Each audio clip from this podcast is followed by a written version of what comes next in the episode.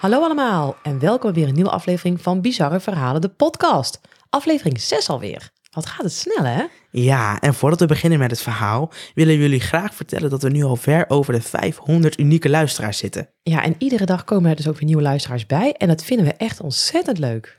En nu hopen we dat je de tijd wilt nemen om onze podcast een duimpje omhoog te geven. Je helpt ons hier enorm mee, omdat we zien, dan zien dat onze luisteraars onze aflevering ook echt waarderen. Ja, nou dat zou echt super zijn. Dus bij deze alvast bedankt als je dit voor ons wil doen. Dan nu snel verder met het verhaal van vandaag. Want we gaan het hebben over de zogenaamde Bush Boys. Nou, dit verhaal gaat over twee jongens die opduiken in een stadje en zeggen opgegroeid te zijn in de bossen. In het wild dus eigenlijk. Vandaar de naam Bush Boys. Ja, en ik vond dit verhaal op een of andere manier echt heel erg interessant. Ik ook. Maar dat kwam ook omdat er was in eerste instantie best wel weinig over te vinden. En toen zijn we eigenlijk steeds meer gaan zoeken. En ja, allerlei oude nieuwsbrieven van 20 jaar geleden. Want het is natuurlijk ook al 20 jaar geleden. En ehm, ja, toen vond ik het eigenlijk ook wel steeds interessanter worden. Echt een, Ja, eh, eigenlijk ook wel. we willen vooraf aan deze aflevering wel even een kleine waarschuwing doen. Want er komen hier ook in het verhaal eetstoornissen voor. En eh, mocht je daar nou mee kampen of het moeilijk mee hebben, ja, luister deze aflevering dan gewoon even niet. Want het kan dan misschien een trigger voor je zijn. Nou, en het is dus ook een hele lange aflevering geworden, eh, van meer dan een uur. Dus vandaar dat we besloten om er twee afleveringen van te maken. En vandaag laten we jullie eh, deel 1 eh, horen. Dit verhaal speelt zich af in Vernon, een klein dorpje in British Columbia in Canada. Vernon is gelegen in een landelijk gebied tussen drie mooie meren. Het is een van de meest populaire vakantiebestemmingen in de Okanagan Valley. Het stadje is divers wat betreft het klimaat en het landschap. Je vindt er, in tegenstelling tot in het overige deel van British Columbia, niet alleen bergen en meren, maar ook wijngaarden, fruitbomen en zandstranden. Ja, er wonen zo'n 40.000 mensen. En het wordt ook wel eens een van de meest romantische stadjes van Canada genoemd. Daar komen ook dus best wel veel rijke lui uit de omgeving, dus uit de omliggende steden. Er zijn veel, eh, nou, vrij veel kerken en het is ook best wel conservatief. Maar aan de andere kant is het ook wel echt een heel gemoedelijk stadje om te leven. Ja, en ik heb het dus ook even opgezocht op Google en het is echt wel een heel mooi stadje met leuke huisjes en leuke lichtjes overal. Ja, ik heb het ook opgezocht inderdaad. Het is echt heel pittoresk, ziet het eruit hè, met die meren, huisjes inderdaad. Ik snap wel dat mensen daar graag willen wonen. Ja, dat snap ik ook wel. Ik zei, ja, als ik nou maar oud was, dan lijkt me het ook wel leuk om daar te wonen. Ga je gewoon even naar verhuizen. Ja, toch? Naar Canada gewoon even. In augustus 2003 duiken er ineens twee jongens op aan het Kelamelka-meer in Vernon. Het Kelamelka-meer is een prachtig blauw meer met een zandstrand. De jongens zien er vreemd uit, onverzorgd en extreem vermagerd. De jongste jongen heeft donker haar, alsof het zelf geknipt is. Hij is nog dunner qua postuur dan de langere jongen en het is echt alsof hij al weken niet gegeten heeft. Ja, en ze waren dus echt heel erg dun. Ik heb dus ook ergens gelezen in een interview dat de jongens zo mager en lang waren dat ze dus op aliens leken. Ja, dat, dat, dat haal ik er dan niet uit, jij Nee, wel? ik ook niet. Ze waren wel heel dun en lang, zeg maar. En dat die eh, jongere broer had ook echt van die hele dunne wangen Ja. en van die inge, van die ja, holle ogen, zeg maar. Ja, ik, ik snap ergens wel dat het misschien zo gezegd wordt. Vooral als je die vermissingsposter ziet, toch? Ja, Met die hè, twee foto's erop van eh, de twee jongens. Dan, ja, met heel veel fantasie. Maar echt... Oké, als je echt een hele rijke fantasie hebt, snap ik dat je het erin kan zien. Maar op een gegeven moment, als natuurlijk mensen dat ding, dit soort dingen gaan lezen, dan gaan ze natuurlijk ook zelf wat dingen bedenken. Ik denk dat het ook leuk klinkt. Ja, gewoon Alien jongens uit het- uit het bos. Ja, precies zo. De oudere jongen heeft blond, wat langer haar in een staartje en hij draagt een klein verwilderd baardje. Wie waren deze jongens? Ze doken ineens op in het stadje, uit het niets. Niemand kende deze jongens of had ze ooit eerder gezien. Mensen zagen met name de jongens vaak in de Kalamelka General Store, oftewel de Kel Store. En deze winkel bestaat nog steeds trouwens. Hè? Het, is, het is eigenlijk gewoon een soort klein supermarktje, toch? Ja, je kan eigenlijk alle allemaal gewoon basic dingen kopen. Ja. Ehm, en ik heb dus ook gezien dat het gerenoveerd was, volgens mij in 2015 of 2017. Ja, Kan ook in 2020 nieuwe zijn. eigenaar inderdaad. Ja, nou, ja. En eh, ze hebben het helemaal mooi aan de buitenkant eruit laten zien. ja het ziet er best wel schattig uit. Echt van hout en een zodat het er, kleurtje. frissig uitziet voor Ja. nieuwe klanten. De inwoners van Vernon praten wel over de jongens, maar niemand onderneemt enige actie. Ze zijn er gewoon ineens. Maar er is één vrouw, een hockeymoeder uit Vernon, en die wil eigenlijk wel graag weten of deze jongens hulp nodig hebben. Nou, het gaat om Tammy. Zij is getrouwd en moeder van drie kinderen. En Tammy gaat dus wat rondvragen in het stadje. En sommige mensen zeggen dat de jongens in het bos achter Kelstor zouden leven. Ze besluit dan om een kijkje te gaan nemen in dat bos, in de hoop dat ze de jongens gaat vinden. Omdat het bos erg dicht begroeid is, is het ook meteen een goede plek om je te verstoppen. Maar ook een plek waar je snel kunt verdwalen. Ja, het, het was ook niet echt zo'n bos zoals wij gewend zijn eigenlijk. Hè? Dus waar je met je honden bijvoorbeeld een rondje gaat lopen over paden. Het was eigenlijk Nee, een het is bos. echt heel dicht begroeid. Ook best wel een creepy eigenlijk. Ja, zonder paden ook, toch? Zonder Ja. wandelpaden. Echt gewoon een, echt een dicht begroeid bos, zeg maar. Om die reden gaat Tammy ook niet alleen, maar neemt ze haar man mee. Ze rijden naar het bos toe, stappen uit de auto en lopen het bos in. Al vrij snel vinden ze avocadoschillen, een stapel boeken, een mok en plattegrond en ietsje verder een soort van tent. Het was dus wel vrij zeker dat de jongens hier leefden. Vervolgens gaan ze naar de keilstore en vragen ze aan de eigenaren of ze de jongens kennen. Jazeker, zeggen de eigenaren. De jongens komen hier vaak. Meestal komen ze ook om te bellen. In die tijd, het was 2003, had je nog plaatsen waar een telefoonstel stond of waar een telefoon hing, waar je dus kleingeld in moest gooien zodat je kon bellen. Ja, en dat heb jij dus niet meegemaakt. Maar ik weet dat dus nog heel goed, die telefooncellen. Want dat waren dus van die hokjes. Nou, jij hebt ze wel eens gezien natuurlijk. Ik bedoel, iedereen kent ze wel, denk ik, qua beeld. Maar ehm, dat had dus ook een hele zware deur. Als kind weet ik dat je echt tegenaan moest leunen om die open te krijgen. En dan ging je bellen. Dus dan moet je er eh, geld in gooien. En dan eh, moest je een nummer toetsen. En dan vond ik het zelf altijd heel gênant als dan iemand naast het hokje stond te wachten om te bellen. Dus dan, dan zei ja, volgens mij kon je het ook gewoon horen. Het was helemaal niet zo heel goed geïsoleerd. Ehm, dat vond ik altijd wel een beetje, een beetje gek. Lijkt me ook wel grappig dat iedereen kan meeluisteren als jij aan het bellen bent. Ja, ik denk als je zacht sprak En dan... dat iedereen je ook ziet staan daar. Ja, en ze hadden ook een nummer. Dat, dat, ben ik, dat zie je wel eens in films, toch? Dat er dan, zo, dat er dan zo'n eh, telefoon overgaat in een telefooncel. En, dat, en dan neemt iemand dat op. En ik weet wel dat elk telefooncel had ook een, eh, een telefoonnummer. Maar ik heb het nooit geprobeerd om dat zelf zeg maar te bellen. Dan moet je wel, eigenlijk moet je eigenlijk wel een keer doen. Ja, maar er zijn bijna geen telefooncellen meer natuurlijk. Oh ja. Nou, wat ik wel deed als kind Misschien was... nog wel ergens. Moeten we gewoon even opzoeken. Dan kunnen we nou wel even naartoe. Ja, je ziet ze wel staan, maar dan heb ik altijd dat het meer een soort van museumstuk is. Dat denk ik wel. Ik denk niet dat ze nog echt in gebruik zijn. Nee, dat denk ik dus ook niet. Maar wat, wat ik ook, wat ik vroeger ook nog wel deed, dat vond ik ook altijd leuk met telefooncellen. Dan ging ik met mijn broers er langs en dan gingen wij, dan heb je een soort resetknop, hè. Dus als je ophing, dan werd de verbinding verbroken en dan werd ook het wisselgeld, zeg maar, in zo'n vakje eh, hè, gegooid. En dat, ehm, dat vergaten soms mensen. Dus dan gingen we die telefooncel in en dan even kijken van, liggen er nog een paar kwartjes of zo in en dan ja, konden we weer snoep kopen. Maar dat, eh, ja, goede oude tijden, zeg maar. Toen Tammy hoorde dat de jongens regelmatig belden in Kelstoor, kwam ze op het idee om een briefje achter te laten bij de winkel voor de jongens, met daarbij wat kleingeld om naar haar te kunnen bellen.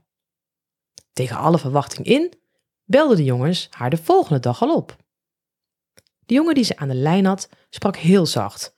Tammy moest echt heel veel moeite doen om deze jongen te kunnen verstaan, en de jongen gaf eigenlijk ook meteen aan dat hij Tammy wel wilde ontmoeten. Tammy was best verbaasd hierover, maar ze dacht, deze jongens zullen wel dringend hulp nodig hebben. Ze besluit dan ook om meteen naar ze toe te gaan. Ze stopt onderweg in een supermarkt om wat boodschappen te halen voor de jongens en ze koopt allerlei dingen waarvan ze denkt dat jongeren dit graag eten. Zoals kaas, chips, appels, etc. Wanneer ze aankomt bij Kelstore staan de jongens haar al op te wachten. Ze zijn beide erg lang en mager en zijn een stuk langer dan Tammy. Ze schat de jongste jongen een jaar of 15 à 16 en de oudere jongen rond de 20. Naast de winkel is een houten terras en ze besluiten om daar te gaan zitten, zodat ze rustig kunnen praten. De jongens waren ook echt een heel erg groot eh, stuk groter dan hun. Dus ze torenen echt over Tammy uit. Dus ja, dat die klopt. Tammy was best wel klein. En die jongens waren echt wel, ja, gewoon twee meter, zeg maar, sowieso. Ja, en heel dun. Ja, dus het was best wel indrukwekkend, zeg maar, als je zo, als je best wel klein bent. ja, klopt. De oudste jongen stelt zich voor als Tom en de jongste als Will. Ze zijn broers. Zo vertelt de oudste Tom. We zijn Tom en Will Green. Verder vertellen ze eigenlijk helemaal niks. Niet waar ze vandaan komen, waarom ze in Vernon zijn en wie hun familie is. Will spreekt nauwelijks. Zijn grotere broer Tom doet steeds het woord namens hen beiden. Tammy krijgt er wel een beetje een raar gevoel bij, maar wil ze ook vooral niet afschrikken. Ze telt dus niet al te veel vragen, maar biedt aan om de jongens te helpen. De broers accepteren het aanbod. En wat dacht jij toen je dit las? Wat vond jij? Wat vind je van haar actie? Ik vind het wel heel goed dat ze iets doet. Ehm, of ik het zelf had gedaan, weet ik niet. Maar ik vind, ik, zou, ik vind het wel een beetje raar dat die ehm, Tom zeg maar al het woord doet. Ja, dat is een beetje... Maar misschien is Will ook wel gewoon heel erg dun. Dat hij zeg maar niet echt heel goed kan praten of zo. je weet dat hij heel moe is zeg maar. Gewoon. Ja, je, ja, je kent die jongens natuurlijk niet. Maar ik vind het op zich ook wel goed dat ze wel even... Pol, ik vind het ook zo heel raar vinden als die jongens daar gewoon een jaar lang in die bossen wonen en niemand kijkt naar ze om. Het zijn natuurlijk wel Ja. kinderen nog ergens. Tammy gaat meteen aan de slag om de juiste hulp te krijgen voor Tom en Will. Een paar dagen later neemt ze beide jongens mee in haar auto en rijdt met hen naar het gemeentehuis. De medewerker vraagt om de identiteitskaarten van de jongens, maar deze hebben ze niet. En de jongens gedragen zich ook best wel vreemd hè, in dat gemeentehuis. Ze zeggen niks, ze geven geen antwoord op de vragen van de baliemedewerker op het gemeentehuis. En uiteindelijk zit er dan ook niks anders op dan weer te vertrekken. Ja, Tammy die, vraagt ook terug in die auto van, goh, wat, uh, wat is dat nou? Hoe kunnen jullie nou geen ID-bewijs hebben? En eigenlijk op dat moment beginnen de jongens voor het eerst hun verhaal te vertellen. Ze vertellen dat ze opgegroeid zijn in een soort cabin diep in de bossen. Zo'n 75 kilometer ten noorden van het plaatsje Revelstoke. Een paar uur van Vernon. Nou, die cabin lag half verscholen onder de grond. En uh, ja, die jongens kennen geen tv, zijn nooit naar school geweest. Ze hebben nooit hun bezoek gebracht aan tandarts, huisarts of ziekenhuis. En het was ook echt hun eerste contact met de buitenwereld. Hun ouders, Jozef en Maria, hadden die jongens leren lezen uit National Geographics. Ze gingen zelf wel een paar keer per jaar naar de stad om voorraden in te slaan, maar hielden hun kinderen wel ver weg van enig sociaal contact. Tom vertelde dat ze op een bepaald moment aan hun ouders hadden verteld dat ze vegetarisch wilden leven, maar dat zagen hun ouders niet zitten. Er ontstond een enorme ruzie en hun ouders stuurden beide broers weg. De jongens vertrokken te voet en liften noordwaarts. Uiteindelijk rijden ze in Canada en komen ze door het stadje Vernon. Daar besluit Tom om uit te stappen. Ja, ik dacht er wel van, als je natuurlijk nog helemaal nooit sociaal contact hebt gehad, dan is het best wel vreemd dat je gaat liften, of dat je überhaupt weet hoe je moet liften. Ja, je weet niet instinctief toch hoe je moet liften? Nee, ik denk niet, dat is niet dat we daarmee geboren worden. Ja, maar het zou me ook heel eng lijken. Als jij nooit auto's hebt gezien, of hebben ze dat dan in die tijdschriften? ja. Misschien is het denk ik wel gewoon een weg langs het bos. En ze lagen, ja, dat weet ik niet. Het was en half National Geographic natuurlijk. Ja, is, ja de... daaruit leren lezen. Ja, maar dat is ook raar toch? We beginnen meteen met hele moeilijke woorden. Ja, ja, maar nou, misschien leren ze wel gewoon zeg maar, die, die kinderdingen daar een beetje in, zeg maar. Ja, ik vond, ik vond het wel een beetje Het is een beetje apart, inderdaad. Vanaf dat punt zijn ze op zoek gegaan naar een soort verstopplaats voor een tentje. En daar hoeven we niet lang naar te zoeken, want het bos achter Kelstor was hier perfect voor. Ze maakten een kampeerplek in de bossen, achter deze supermarkt, en zo begon hun leven in Vernon. Nu het verhaal duidelijk was voor Tammy, besluit ze naar andere hulp op zoek te gaan voor Will en Tom. Ze hadden uiteraard nog steeds identiteitsbewijzen nodig, maar ook onderdak, eten, geld en kleding voor de winter. Tammy was qua een persoon een hele enthousiaste vrouw die andere mensen makkelijk kon overtuigen om haar te helpen. Het verhaal grijpt de mensen aan.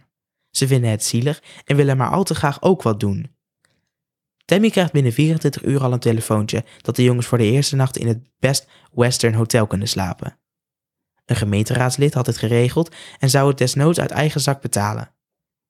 Het leger des Hels ontmoet de jongens ook en voorziet ze van winterjassen, boodschappen en wat contant geld. Een inwoner van Vernon gaf de jongens zelfs een creditcard die ze elke maand afbetaalden. Ja, zo stond Vernon ook eigenlijk wel bekend, hè? Ja, zo'n lieflijk stadje, aardige mensen die allemaal wat over hebben voor elkaar. Ja, nou dat merk je dan ook. Als iedereen op gewoon meteen gaat helpen. Maar aan jongens die je niet kent, die gewoon een creditcard geven en die betalen, dat is wel, uh, vertrouwen, heb je wel goed vertrouwen in mensen. Ja, maar dat kwam denk ik ook wel echt door die Tammy. Want als ik dan... Uh... Ik denk dat die Tammy wel als een goed persoon, zeg maar, bekend stond. Ja, die kon die mensen echt overtuigen, hè? Dus ze, ze wonen nou niet zo lang, maar ze kenden wel iedereen natuurlijk al. Ja. Vervolgens belt Tammy met het grootste advocatenkantoor van Vernon en krijgt een advocaat aan de lijn. Ze vertelt over de jongens en vraagt of hij haar kan helpen met identiteitskaarten voor de jongens. Hij denkt er even over na en biedt vervolgens aan om de jongens kosteloos juridisch te ondersteunen. Al snel worden de jongens erg bekend in de stadje Vernon. De lokale politiek gaat zich ermee bemoeien, de burgemeester belt met de politie en iedereen was ook extra bezorgd omdat de jongste jongen Wil zo ontzettend mager was. Omdat de jongens niet voor hele lange tijd in een hotel kunnen overnachten, belt Tammy ene Patrick Allen op, de man die het plaatselijke hostel runt. Ze vraagt hem of hij de broers voor langere termijn kan onderbrengen. Hij is zo aardig om te helpen. De jongens kunnen wel wat klusjes voor hem opklappen in ruil voor het onderdak wat ze krijgen. Toen de jongens gesetteld waren, kwam Tammy zo vaak als ze kon langs om te kijken hoe het met ze ging. Ze ging ze om de paar dagen langs. En soms zelfs wel elke dag. Ja, ze droeg zich echt als een soort moeder hè, voor die jongens. Ja, ze maakte zich ook echt zorgen, zorgen zeg maar, over de jongens. En wilde ook dat het dus goed ging. En ze ontfermde zich eigenlijk ja, echt over hun. Ja, maar niet alleen zij toch? Eigenlijk dat hele dorp leefde. Het hele dorp. Nou, wel mooi inderdaad. Er worden natuurlijk ook vragen gesteld over hun afkomst en over hun ouders. Maar hier reageren de broers erg defensief op. Ze geven helemaal geen antwoorden. Ja, en dan zou je denken dat is raar, maar de mensen vinden het eigenlijk helemaal niet raar, hè? Want die denken, ja, dat past echt prima bij jongens die verwilderd zijn. Toch? Zo'n beeld heb je dan van. Normaal zou je denken van, ja, dat is super asociaal gedrag. Je krijgt allemaal hulp, maar je zegt zelf helemaal niks, toch? Dan zou je denken van, joh, wat wil je niet geholpen worden of zo? Maar in dit geval, ja, iedereen vindt het eigenlijk ook wel begrijpelijk. Ja, ik denk dat ze gewoon dachten dat ja, hun niet wisten hoe je met andere mensen, zeg maar, dat de jongens niet wisten hoe ze met andere mensen om moesten gaan. Ja, Ze kennen natuurlijk alleen hun ouders en die waren natuurlijk ook totaal eigenlijk vervreemd van de echte wereld.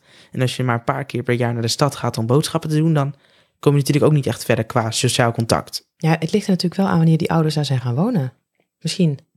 Maar ja, wanneer, waarom besluit je om in de bossen te gaan wonen? Toch? Ja, dat is, dat is de grote vraag. Ja. En er was nog een ander ding wat meespeelde. De mensen in Vernon waren ook echt heel bang om de jongens af te schrikken. Ja, want ze wilden ze natuurlijk heel erg graag helpen. Ja, En als ze heel veel vragen gaan stellen, waren ze bang dat de jongens weg zouden rennen. En ze wilden niet dat die jongens om zouden komen of dat er met, iets, met eh, ja, hun iets zou gaan gebeuren. ja dus ze weten eigenlijk, eigenlijk weten ze gewoon niet zo goed wat ze moeten doen. Dus Nee. daarom zijn ze zo voorzichtig. Dat snap ik wel. Tammy dacht dus ook dat een hostel de jongens goed zou doen. Een hostel natuurlijk vaak een plek waar veel jongeren bij elkaar komen. En waar meestal jongeren zichzelf ook heel erg thuis voelen. En er is altijd wel iemand om een praatje mee te maken of om iets mee te gaan doen. En het zou de jongens dus misschien wel socialer kunnen maken. Tenminste, dat dacht zij. In ieder geval wat meer geïntegreerd in de moderne samenleving. En zo zouden ze dus ook weer sneller opgenomen kunnen worden in de gemeenschap van Vernon. Tenminste, dat is wat ze eigenlijk denkt. Maar dat gebeurt dus helemaal niet, hè? De jongens zijn erg op zichzelf en zitten eigenlijk alleen maar de hele dag op hun kamer. Ja, dus eh, is wel een beetje apart, zeg maar. Want je zou denken van, ja, ze gaan vragen aan andere mensen hoe het leven misschien hier is of zo. Ja, dat dacht ik. Wat dat ze zou- doen. Ja, denk jij? Ik denk, ik denk dat dus niet. Ik denk als je uit de bossen komt en je wordt ineens overal ineens geïnterviewd en mensen gaan je allemaal helpen. Ik bedoel, die, die jongens hebben alleen maar hun ouders altijd gezien, hè? Nooit andere mensen. Dat zou heel raar zijn als ze ineens gaan socializen daar. Ja, oh ja, dat is eigenlijk ook alweer zo. Ja, we- dan moet je, ja, je moet je echt proberen in te denken hoe het is als je dus gewoon alleen maar je ouders kent. Heel en apart. bomen. Toch? Dat is echt wel heel, Heel heel, apart. ja, heel raar. Van wat Tammy vertelde, stonk het ook echt vreselijk op de kamer.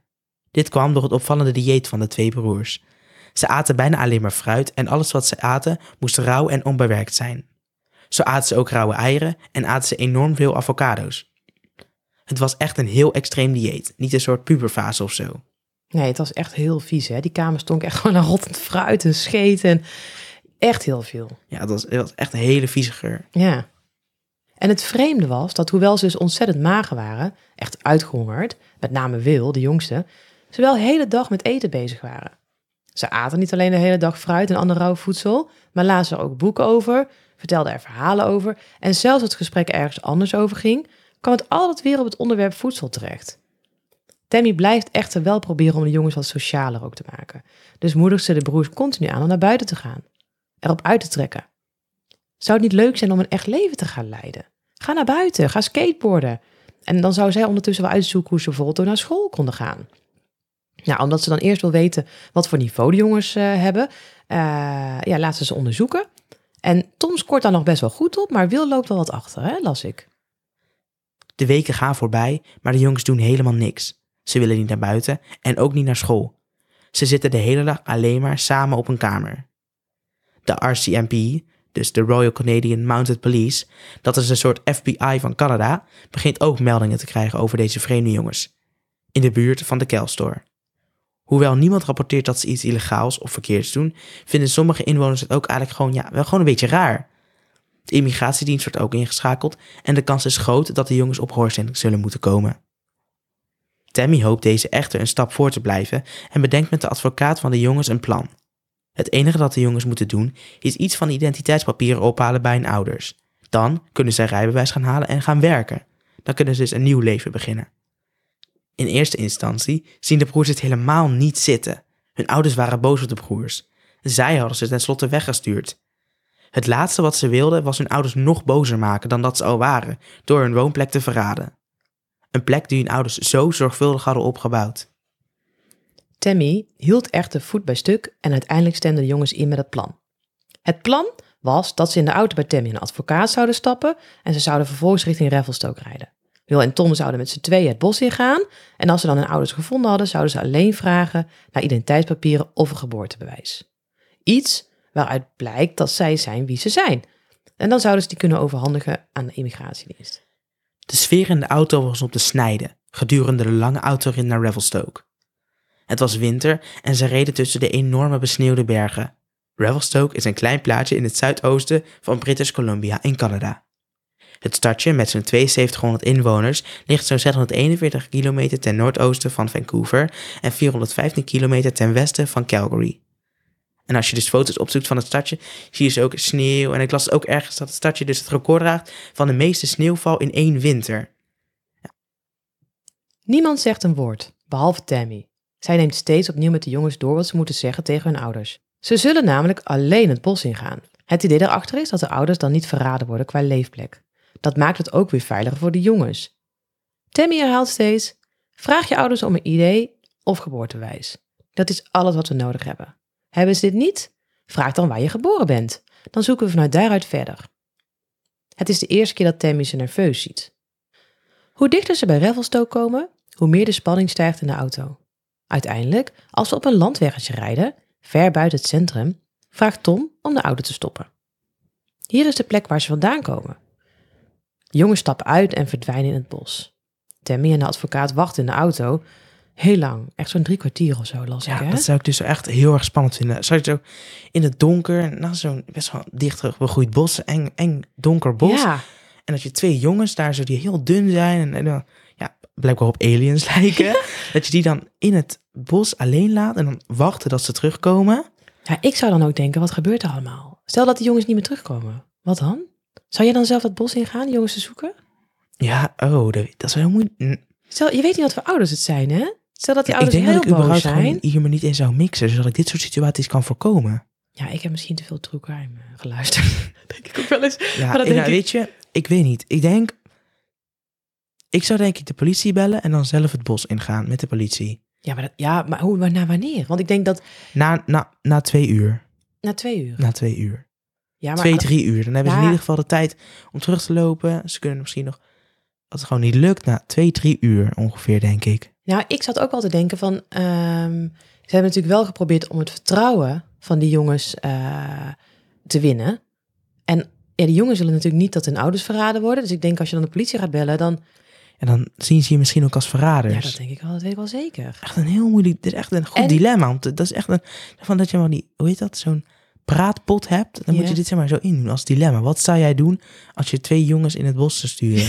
De bushboys. En dan moet je, dat is echt een goed, Nou, een goed als je er wat verder over na gaat denken, dan denk ik ook... Wat als je in die auto zit en je zit daar een half uur, drie kwartier te wachten... en dan komen ineens twee ouders. Dat, twee, ik heb Dat dan zou ik heel, zou ik ook echt van die hele woeste ouders in nodig. een beetje een Neandertaler idee. Krijg Van die hakbijlen en zo. ja, maar dat krijg je niet, weet je, een Neandertaler idee? Ja, eigenlijk wel. Die van die lappen, dat ze daar zo in dat bos leven. Dat is natuurlijk helemaal niet, maar althans, dat weet je natuurlijk niet. Misschien, misschien leven ze in Canada en British Columbia nog met lappen om hun, om hun middel. Dat kan allemaal, hè? Het kan allemaal in de bossen. Ja, dan horen we dagelijks over het nieuws. Wie weet, hè, wonen hele volkstammen. Nou ja, goed. Na drie kwartier zien ze de jongens van een afstandje uit de bossen komen lopen. Hebben ze hun ouders, Maria en Jozef, meegenomen? Misschien nog broers of zussen of andere mensen die ook in het bos wonen? Zijn ze boos of gevaarlijk? Ze wachten in spanning af, maar er komt niemand anders meer het bos uitgelopen. Tom en Will zijn alleen. Wanneer ze in de auto stappen, vertellen ze dat hun ouders niks hebben willen geven. Tom en Will hebben het echt geprobeerd, zeggen ze, maar het is gewoon niet gelukt. Tammy is boos. Hoe kunnen de ouders dit hun eigen kinderen aandoen? Waarom gunnen ze hun kinderen geen nieuwe kans? Tegelijkertijd hadden ze nu niks voor de immigratiedienst. Zouden de jongens nu opgewakt worden? vroeg Tammy zich af.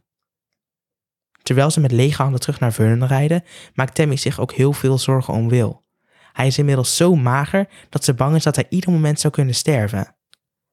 Nou, Corporal Henry van eh, RCMP, die gelooft het hele verhaal eigenlijk niet echt, hè? Twee jongens uit het bos, in het wild opgegroeid, nooit sociaal contact gehad. Hij gelooft het gewoon niet. Dus Henry besluit de jongens op te gaan zoeken en gaat op weg naar het hostel waar de jongens logeren. Het hostel is net als alle andere hostels. Het bestaat uit allerlei kamers, slaapzalen en een gemeenschappelijke keuken en badkamer. Tammy is ook aanwezig en ze gaan met z'n allen aan de keukentafel zitten. De agent stelt ze wat vragen, maar de jongens laten niet veel los. De enige die nog wat zegt is Tom. Wil lijkt niet te mogen praten van zijn oudere broer. Wanneer Henry wat aan Wil vraagt, kijkt Wil naar Tom en zegt zelf niks. Ja, dat lijkt me ook best wel frustrerend. Ik zou ook gewoon ja, willen dat die jongens gewoon zelf praten. Ik zou ook wel willen, zeg maar, ehm, wat die Will zou hebben te zeggen. Ja, ik denk dat ik dat ook wel zou hebben. Inderdaad, je denkt, zeg nou gewoon iets, hè? of ben een beetje duidelijk. Maar aan de andere kant, ja, dat hele dorp wil die jongens natuurlijk helpen. En dan ga je toch weer denken, ja, het zijn wilde jongens. Dus ja, ik denk dat je heel snel allerlei excuses ook wel weer bedenkt. Ja, die Henry dan niet, maar anderen wel, denk ik. Ja, maar ja, ze willen natuurlijk ook nog steeds gewoon niet afschrikken. Nee. Dus als ze daar ook een vraag over gaan stellen, dan, ja, dan worden ze misschien boos of zo. Het is eigenlijk een soort Mowgli's uit Jungle Book, maar dan niet door dieren opgegroeid, maar door ja, mensen. twee Mowgli's, ja, ineens in een stadje. Terug op het bureau doorzoekt Henry de database op zoek naar enige match met Tom en Will Green. Maar hij vindt helemaal niks. Vervolgens belt hij naar zijn collega's in Revelstoke. De collega's in Revelstoke geven aan dat ze het zeker hadden geweten als er al ruim 20 jaar mensen in de bossen hadden gewoond. Daarnaast zou er toch ook wel iets van een document moeten zijn. Een rapport van een ziekenhuis, een geboortebewijs of iets van hun ouders bijvoorbeeld. Waaruit blijkt dat ze dus kinderen hebben. Henry gaat vervolgens terug naar het hostel om de jongens te confronteren met de informatie die zijn collega's in Revelstoke hadden gegeven. Maar volgens Will en Tom bevestigt het juist dat zij de waarheid spreken. Het was toch juist logisch dat ze nergens te vinden waren. Ze waren tenslotte compleet afgezonderd van de bewoonde wereld opgegroeid. Ja, en dit frustreert Henry enorm. En het hielp dus ook niet mee dat de mensen in het hostel niet gecharmeerd waren van de politie. Een groepje mensen vanuit de hele wereld leefde al een tijd samen met de jongens. En zij wilden de jongens dus ook echt beschermen. Henry komt dus op dat moment ook gewoon niet verder. Nou, inmiddels is het november en het hele verhaal is internationaal overal in het nieuws. Het waren ineens niet meer zomaar twee vreemde jongens in een rustig stadje. Het waren echt beroemdheden geworden. Dan ontstaat er langzaam maar zeker een soort van twee kampen in het stadje. De ene groep mensen denkt net als Tammy, zo van, we moeten deze jongens helpen, verzorgen en laten integreren en vooral heel veel geduld met ze hebben. Hun vreemde gedrag past juist bij de verwilderde jongens. Tammy en een groot deel van de gemeenschap, maar ook de mensen van het hostel, wilden de jongens beschermen. Al die media-aandacht was veel te veel en maakte de jongens angstig. Men was bang dat de jongens uit angst zouden weglopen en dan zouden ze weer zorg niet krijgen die ze zo hard nodig hebben. Wanneer de jongens verhoord werden, zeiden ze alleen maar geen commentaar. Maar ook de mensen in het hostel en de advocaat zeiden ook alleen maar geen commentaar. Tammy was de woordvoerder van de jongens. Ja, aan de andere kant had je ook een wat kleinere groep mensen die meer voelt wat corporaal Henry zegt. Laten we eerst eens kijken wie deze jongens nu eigenlijk zijn. Het verhaal klinkt vreemd. Houden ze ons misschien voor de gek? En hoe kunnen we bewijs vinden voor alles wat de jongens beweren? Ondertussen deden Tammy, de advocaat, en andere inwoners van Vernon hun best om de jongens te betrekken bij de maatschappij. Tammy nam ze regelmatig mee naar huis, naar haar eigen kinderen, om te socializen. De advocaat was eigenaar van een stuk grond aan een meer en nodigde jongens uit om hem te komen helpen met dat echte outdoor klussen. Hij denkt, dit is de natuurlijke omgeving van de jongens. Een soort omgeving waarin ze opgegroeid zijn, dus hier zullen ze zich wel veilig voelen. Tussen de bomen, in het bos, in de natuur. Misschien dat dat ze wat opener kan maken. Maar eigenlijk gedragen jongens zich alsof ze echt geen idee hebben wat ze moeten doen. Wil was sowieso lichamelijk te zwak om iets fysieks te doen, maar Tom was heel onhandig. En, en ook zoiets als hout hakken bijvoorbeeld, dat blijkt Tom helemaal niet te kunnen. En dat was eigenlijk best wel vreemd voor jongen die opgegroeid is in de natuur. Maar er waren meer dingen die langzaam beginnen op te vallen. Soms hoorden inwoners de jongen praten en het viel op dat ze wel een erg uitgebreide woordenschat hebben voor jongens die nooit naar school waren gegaan. Niet dat er nou echt bekend is hoe dit zit bij verwilderde kinderen, maar ja, er toch een bepaald beeld bij van ja, wat, hun, wat ze kunnen. Nou ja, je had dus vroeger zo'n film, daar moet ik toen aan denken. Dat was een comedy, de Encino Man. En dat was eigenlijk... ehm, nou, dan, wordt er dus door twee jongens, eh, die gaan de tuin in... en die vinden daar een holbewoner in het ijs. Heel vaag verhaal, maar wel, ik vond het heel grappig film voor. En ze laten die man dan ontdooien... en dan komt die holbewoner weer tot leven. Nou, je kunt je voorstellen, die, die man die gaat dan... die komt op high school en die komt bij familie... en die loopt door... die is helemaal onaangepast. Dus er ontstaan hele gekke komische taferelen. En dat, dat beeld had ik in het begin een beetje eh, van deze jongens eigenlijk. Ja, maar dat beeld klopt dus eigenlijk helemaal niet, want ze hadden ook gewoon moderne gewoontes. Tom droeg bijvoorbeeld een Ray-Ban zonnebril op zijn hoofd en er waren dus ook mensen die de jongens in de bibliotheek achter een computer hadden zaten zitten. En het leek alsof ze er geen probleem mee hadden om die te kunnen besturen. Ja, maar dat is dan toch meteen al heel opvallend? Ja, dat, dat is echt niet slim. Nee, maar dan, ja, dat, en, maar goed, dan, dan gaan ze daarover vragen. En dan zeggen de jongens weer geen commentaar. En dan willen ze weer niet dat ze wegrennen. En dan, ja, nou, zo'n cirkeltje eigenlijk. Ja, je hè? blijft eigenlijk in zo'n oneindige loop. Ja. Na een tijdje stopt de media-aandacht. Ook de politie weet op dat moment niet meer zo goed wat ze moeten doen. De jongens zeggen niks, er is geen informatie en er is ook niet echt een gevaar voor de samenleving. Maanden gaan voorbij. Het is inmiddels maart. Het geduld begint een beetje op te raken. De broers hebben nu al zoveel hulp gekregen, maar ondernemen zelf helemaal niks. Nog steeds niet, hè? We hadden het net over november. Het is nu vier maanden later. Is nog steeds, doen nog gewoon nog steeds helemaal niks. En ze begint zich ook echt wel zorgen te maken om Will, de jongste. Want hij is nog dunner geworden en weegt op dat moment nog minder dan 40 kilo. Dus ja, aan de ene kant irriteert ze zich een beetje aan hun. En denkt ze, ja, kom op, kom eens in actie. Aan de andere kant denkt ze, ja, ik kan die jongens ook niet aan een lot overlaten. Want wat gebeurt er dan met Will? Nou, ze probeert dan ook nog uh, Tom te overtuigen hè, dat Will hulp nodig heeft. Ze probeert met Will te praten. Maar eigenlijk, ja, Will wilde sowieso niet luisteren. En ook zijn broer Tom, die haalt zijn schouders op. Uiteindelijk besluit Tammy dat er toch actie ondernomen moet worden en ze schakelt de politie in. Hoewel het een beetje als verraad naar de jongens voelt, heeft ze het gevoel dat ze geen andere keuze meer heeft. Will moet in gewicht aankomen, anders overleeft hij het misschien niet. Op een dag, wanneer Will naar Nature's Fair gaat, een natuurwinkel in Vernon, belt Tammy naar de politie om dit door te geven. Wanneer Will zijn boodschap heeft gedaan, loopt hij de winkel uit, waar de politie hem buitenop staat te wachten. Ze nemen Will mee naar het ziekenhuis. Will raakt compleet in paniek bij het idee dat hij gedwongen zou worden om te eten. Misschien zouden ze wel eens zonde geven of andere medicatie. Hij begint te hyperventileren in de auto onderweg naar het ziekenhuis.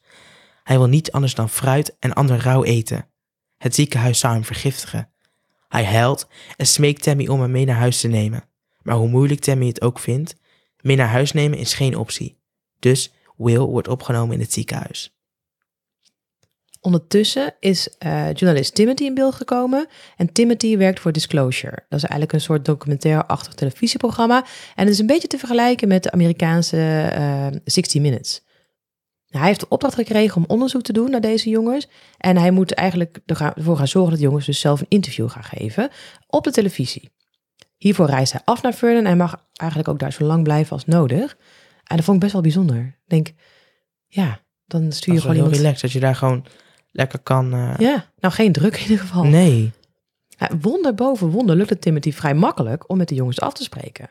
Op een dag neemt hij Tom mee naar de Nature's Fair, de eerder genoemde natuurwinkel en de favoriete winkel voor de jongens. En ze kopen samen fruit voor Will en gaan daarna samen op bezoek bij Will in het ziekenhuis. En zo gaat het eigenlijk een tijdje door. Timothy gaat steeds vaker op bezoek bij Will en spreekt regelmatig met Tom af. Maar uiteindelijk vraagt het ziekenhuis of Timothy mee wil stoppen. Ze geven aan het niet fijn te vinden dat hij zo vaak aanwezig is. Uh, maar de jongens hebben op dat moment nog steeds niet ingestemd met een interview op televisie. Tammy zit ondertussen vol spanning af te wachten of de jongens zou mede willen gaan werken aan een interview op tv. Het zou ze enorm kunnen helpen als ze herkend zouden worden, denkt ze. Al is er maar één iemand die weet hoe de ouders heten, waar ze leven. Of misschien is er nog een familie. Ze legt aan Tom uit dat als er hulp komt naar aanleiding van het tv-programma, Tom een ID-kaart kan krijgen. Daarna zou hij kunnen gaan werken en uiteindelijk kan hij dan op zichzelf gaan wonen. Hoe fijn was dat? Uiteindelijk stemt Tom ermee in om een interview te geven aan Disclosure. Nou, en zo gebeurt het dus. In het interview met Timothy komt Tom vrij ontspannen over. Hij zegt dat hij heel anders opgegroeid is dan normaal, maar wil de locatie van de schuilplaats van hun ouders niet verklappen. Hij vertelt wel een heel opvallend iets, namelijk dat hij al die tijd in Vernon telefonisch contact heeft gehad met zijn ouders. Dat ze ook wisten dat Will in het ziekenhuis ligt. Maar waarom komen ze dan niet op bezoek als het zo slecht gaat? vraagt Timothy zich af. De arts hebben immers gezegd dat zijn broertje wel dood zou kunnen gaan.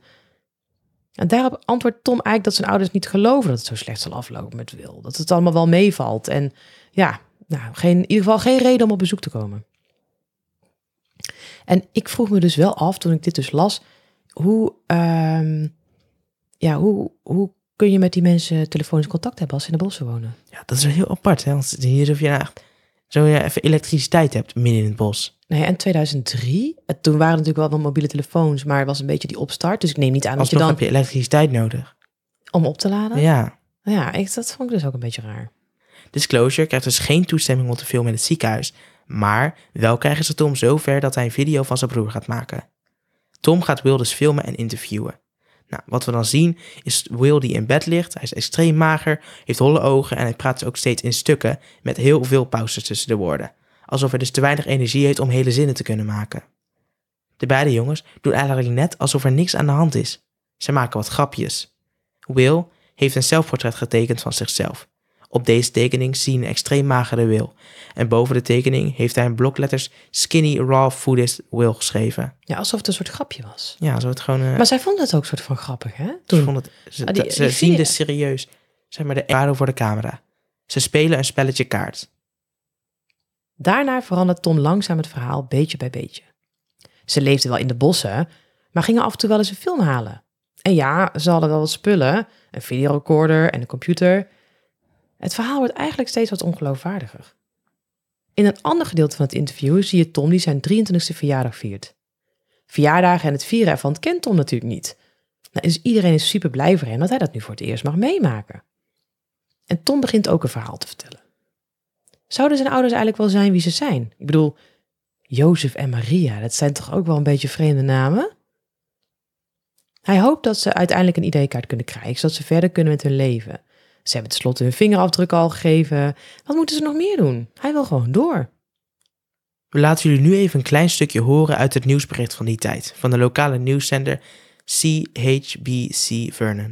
They appeared mysteriously last fall. Two boys living in this tent claiming to have grown up in the bush. No identification, no parents. We're going to open a file and, and do some investigation, try and determine the background of the two males, where they're from, uh, this sort of thing, their identity. Media quickly dubbed them the Wild Boys. The perception was they'd survived living on nuts and berries. In Vernon, no one knew what to think. It's kind of hard to believe, but I guess anything can happen nowadays. They said they're brothers Tom Green, age 23, and Will, age 16. Now, Tom is telling their story for the first time on camera to CBC News Disclosure. Do you think you're unusual? Uh, I, from my understanding, yes, uh, the kind of lifestyle we live is very unusual. It's definitely not the one most people live. That lifestyle, they say, included a secret homestead near Revelstoke with their American parents, Mary and Joseph. They ate what they grew. They were educated at home. They had a fridge, a computer, even a VCR. Without revealing the identity of his parents, Tom himself can't get any ID. I've been fingerprinted, photographed. I mean, that should be enough. Will Green was committed to a Vernon hospital last month for an E. So far, the boys remains a mystery. Duncan McHugh, CBC News, Vancouver. Nou, vlak na al deze nieuwsuitzendingen zendt Disclosure ook een televisieprogramma uit, waarin de jongens dus geïnterviewd worden en dergelijke. En dan gebeurt er iets opvallends. Vlak nadat de uitzending op televisie is geweest, wordt de redactie van Disclosure gebeld door iemand die zegt: Dit zijn mijn broers. Nou, dan zijn we nu alweer aan het einde gekomen van deel 1 van de Bush Boys. En we hopen natuurlijk dat jullie een hele leuke aflevering vonden. En net zo benieuwd zijn naar deel 2. Die posten dan over twee weken. Ja, en je kan ons dus ook volgen op Instagram. Daar posten we van elke aflevering beeldmateriaal. Wel posten we van deze aflevering pas beeldmateriaal als de tweede aflevering online staat. Zodat we nog niks ja, weggeven eigenlijk. Ja, dus volg ons zeker even. En mocht je nou nog leuke ideeën hebben voor een podcast, stuur ze naar ons toe via Instagram. En dan, eh, nou, wie weet, maken we daar een leuke aflevering van. Ja, Tot de volgende keer. tot de volgende keer. Luister je graag naar deze podcast? Laat de maker weten dat je waardeert wat hij of zij doet en geef een digitale fooi.